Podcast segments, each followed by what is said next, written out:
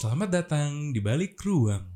Halo halo semuanya nih, perkenalkan nama gue Gams atau biasa dipanggil Gregi atau biasa dipanggil Greg, apa pun itu terserah, ya kan? Nah, yang belum tahu gue, ya pasti belum pada tahu sih karena emang gue juga bukan siapa-siapa, ya kan? Nah, di sini tuh kita mau ngapain sih sebenarnya di sini tuh? Gue mau kenalin dulu apa sih di balik ruang itu? Di balik ruang itu adalah sebuah podcast dari sebuah startup bisnis bisa dibilang kita ngomongin soal financial kita ngomongin soal kehidupan atau apa pun deh yang lagi in banget nih ke anak-anak milenial sekarang anak muda zaman sekarang gitu. Nah di sini itu gue nggak sendirian nih ya kan? Nah di sini sebelah gue nih ada sosok wanita berambut panjang kulit putih baju putih ngambang. Iya. Cerita jadi Halo semuanya, nama gue Rebecca. Gue adalah salah satu co-founder dari Ruang nih. Ini gokil. Ngapain aja nih? Sekarang lo lagi asik ngapain nih? Lagi sibuk ngapain nih? Lagi pengen membangun ruang, Greg. Waduh. Kenapa tuh? Kenapa lo pengen bangun ruang? Emang sespesial apa sih si ruang ini? Apalagi pandemi kayak gini nih. Mm-hmm. Apalagi di masa-masa pandemi kayak gini, orang tuh ternyata butuh banget yang namanya edukasi finansial ya. Hmm. Tapi gue pengen banget bahwa edukasi finansial ini tuh secara berbeda. Di mana tuh mereka bisa dapet feel-nya juga. Jadi um, gimana finansial ini bisa diartikan secara gampang sama orang dan orang juga ngerti gitu secara emosional. Hmm. Karena kalau gue sadar finansial itu sendiri itu bukan suatu teori bukan matematika, bukan equations yang ribet gitu. Tapi sebenarnya financial literacy itu tuh bisa didapetin 80% tuh justru dari behavior hmm, gitu loh. Jadi gue dan tim pengen banget ngedeliver ruang ini itu berbeda. Oh jadi ruang ini ada ada timnya gitu ya berarti ya? Bukan cuman bukan cuman pribadi doang gitu ya berarti yeah. ya? Oh gitu. Jadi gue ngeliat nih kayaknya si ruang ini tuh kayak ingin memberikan space dan tempat dan ruang untuk audiens dan teman-teman semua untuk mengungkapkan gitu kali ya bahasanya ya. Iya benar banget. Jadi pengen banget memberikan ruang untuk banyak orang untuk mencari, berbagi dan menemukan. Menemukan apa tuh? Menemukan makna, menemukan arti. Oh, Oke. Okay. Nah, gue denger-denger nih, kan udah berjalan berapa lama sih? Kurang lebih hampir setahun kayaknya ya, Bek ya? Iya, apa iya, baru-baru aja sih sebenarnya? Atau lu bisa cerita gimana sih awal mulanya segala macem? Awal mula ruang ya. Mm-hmm. Nah, jadi mungkin belum banyak yang tahu nih kok ruang um, ruang itu udah established setahun nih.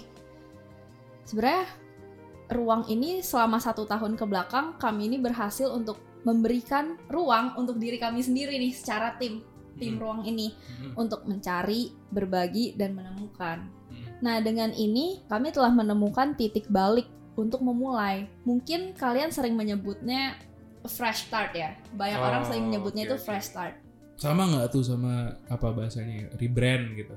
Iya iya benar rebranding. Kita pengen banget rebranding. Makanya tadi gue bilang kita pengen ngedeliver um, financial literacy ini secara berbeda biar bisa lebih gampang diserap gitu secara hmm. emosi, secara logik. Jadi bisa uh, jadi satu semuanya. Nah, ini tuh adalah perjalanan baru nih, Greg. Mm-hmm. Memang kita tuh sadar bahwa sebuah perjalanan panjang pasti akan ada suatu titik tengah yang membawa kita pada satu keresahan. Jadi selama satu tahun ke belakang ini ya pasti ada banget keresahan-keresahan. Sama kayak hidup. Hmm. Udah jalan panjang, pasti ada satu titik yang hmm, kok kayaknya ada yang salah nih Nah, di keresahan yang mungkin gak banyak orang lihat atau tahu, dalam keresahan ini tuh kita gak memutuskan untuk berhenti dan diam, tapi kita terus berjalan dengan penuh harapan dan terus mengevaluasi nih. Jadi, lika-liku yang kami alami tentu memberikan kami pelajaran dan memberikan kami ruang untuk berkaca. So, the biggest question tuh sebenarnya, what is our value and what is our authenticity? Hmm. Ini kan yang kadang banyak orang bingung ya, secara pribadi aja deh.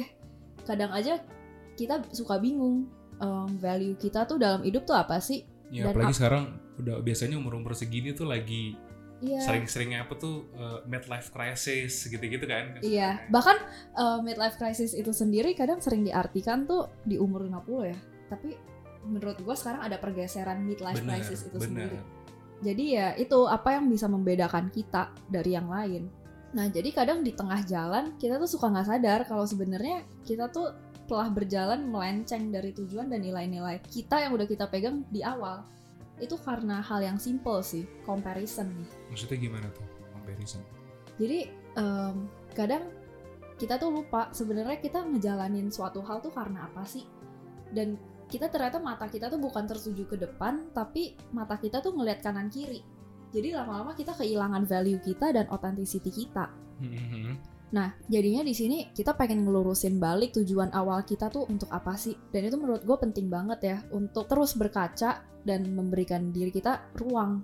Karena tanpa kita sadarin, nah kita tuh telah terfokus pada kreasi orang-orang lain dan akhirnya kita lupa sebenarnya apa sih yang kita kerjakan di awal. Nah di situ gue ngerasa kita mulai kehilangan arah sih. Mhm. Jadi ya intinya tenang aja, sabar karena kita percaya satu nilai yang selalu kita pegang nih, yaitu adalah setback is a platform for our comeback sebenarnya. Jadi seperti anak panah yang harus ditarik mundur untuk melaju lebih jauh lagi. Nah, di situ kita sadar bahwa pada awal keberhasilan itu adalah suatu perjalanan, tidak selalu disertai dengan jawaban seutuhnya.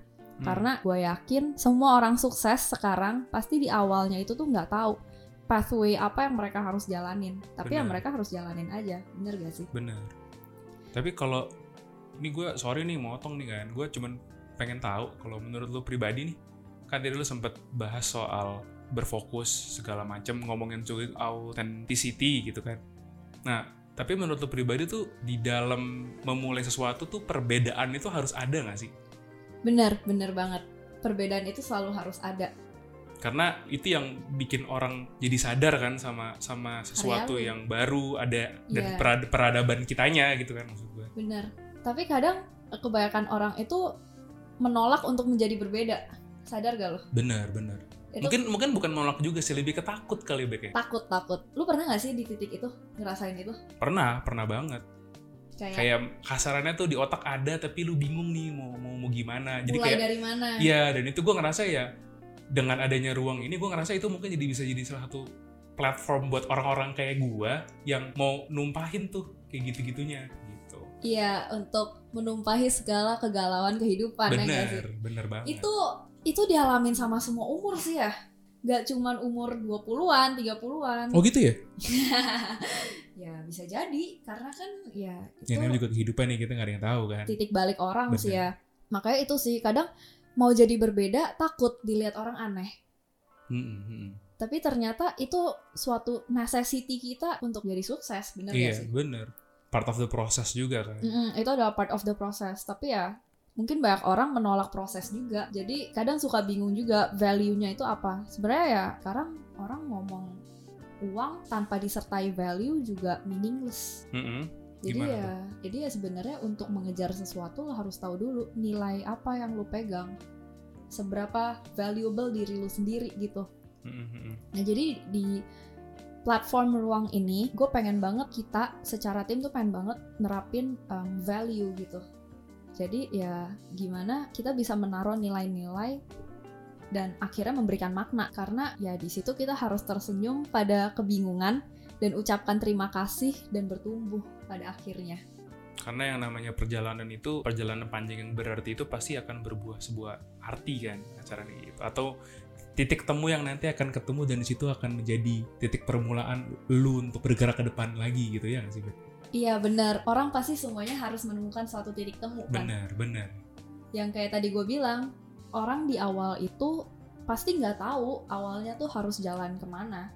Tapi ya anyway jalanin aja dulu. Mau itu lika-liku mau itu muter-muter. Kayak kita di awal bikin podcast ini. Hmm. benar U-turn mulu dari tadi. U-turn terus nanti muter lagi. Tapi Benar. anyway pasti dapat flow-nya nih. Yang akhirnya kita ketemu suatu pola dan titik temu untuk ngejalanin itu. Mm-mm.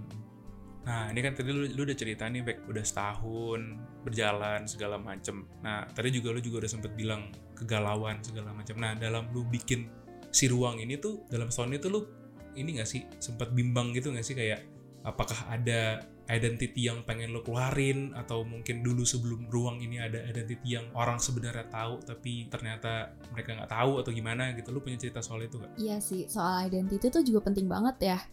Karena nih flashback dulu ya. Mungkin banyak dari kalian tuh ada yang sadar bahwa kita tuh telah berubah identity menjadi ruang ini. Karena sebelumnya kita tuh adalah cotehan fantasi nih. Jadi, Hmm. Ya, gue pengen banget ngucapin terima kasih kepada cotehan fantasi yang telah memberikan kami ruang untuk belajar dan bertumbuh, Greg. Hmm. Makanya yang tadi gue bilang di awal, di awal-awal tuh pasti ada lika-liku yang di situ adalah pencarian identity kita.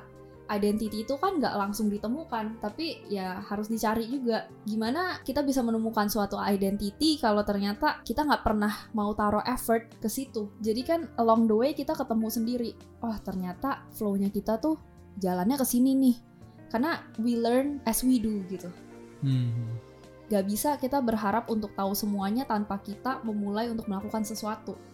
Gak ada yang perfect gitu kan. Kita belajar selagi kita berjalan. Nah, jadi terima kasih kepada Cowotan Fantasi yang udah memberikan kita ruang untuk belajar dan bertumbuh. Dan sekarang adalah waktunya kami untuk berubah dan menjadi utuh. Jadi dengan ini kami membangun ruang sebagai tempat untuk berbagi, belajar, dan menyadarkan. Makanya itu kita pengen banget membawa suatu edukasi financial literacy yang gua dan tim dapetin banyak banget. Jadi objektif kita atau goal kita tuh untuk berbagi, Greg sebenarnya. Hmm.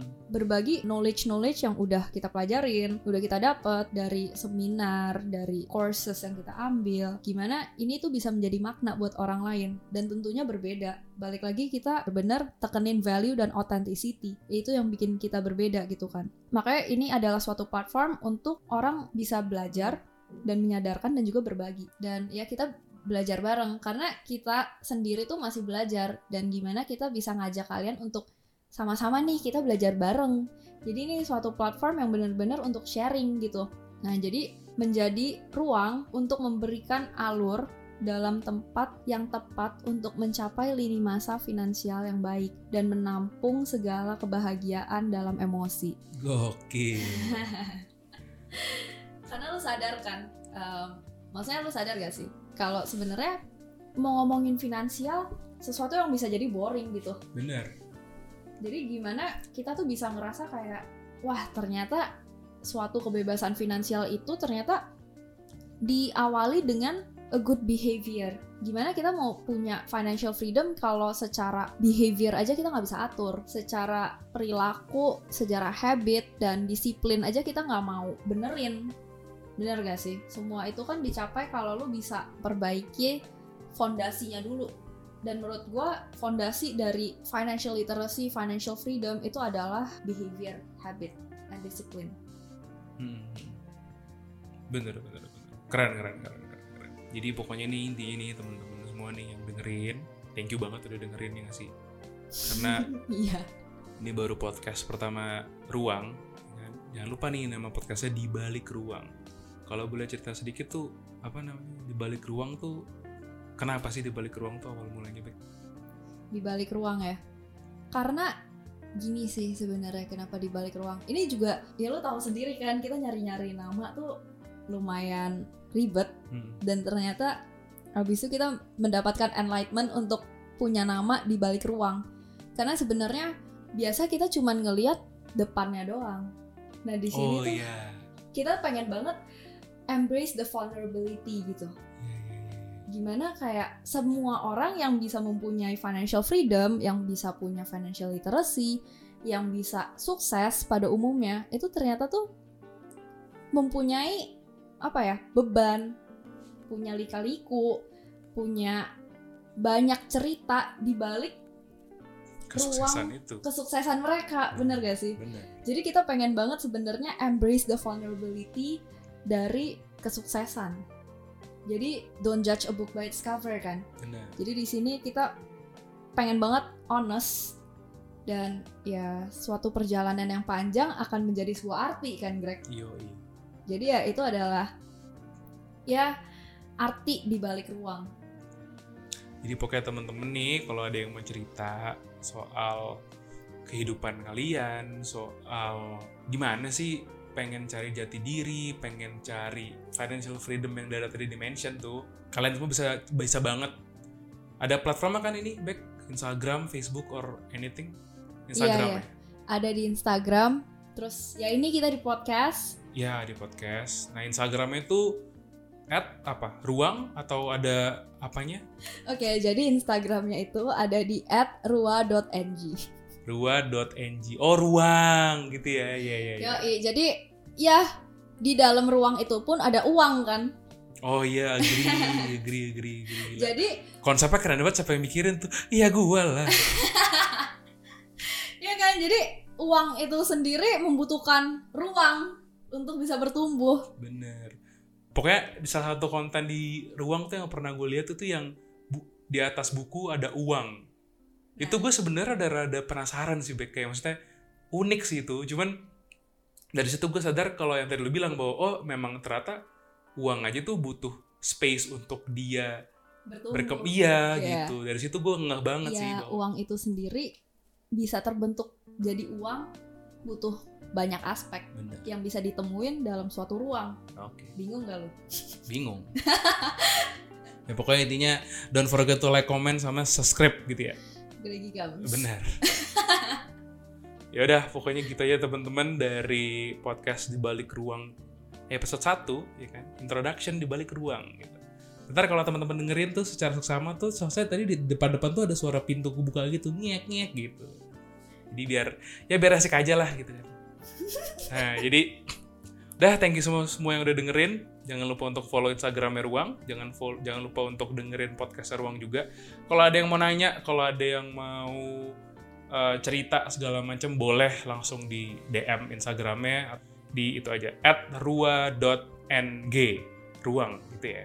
Ya. Oke, thank you teman-teman semua. See you on the next podcast di balik ruang.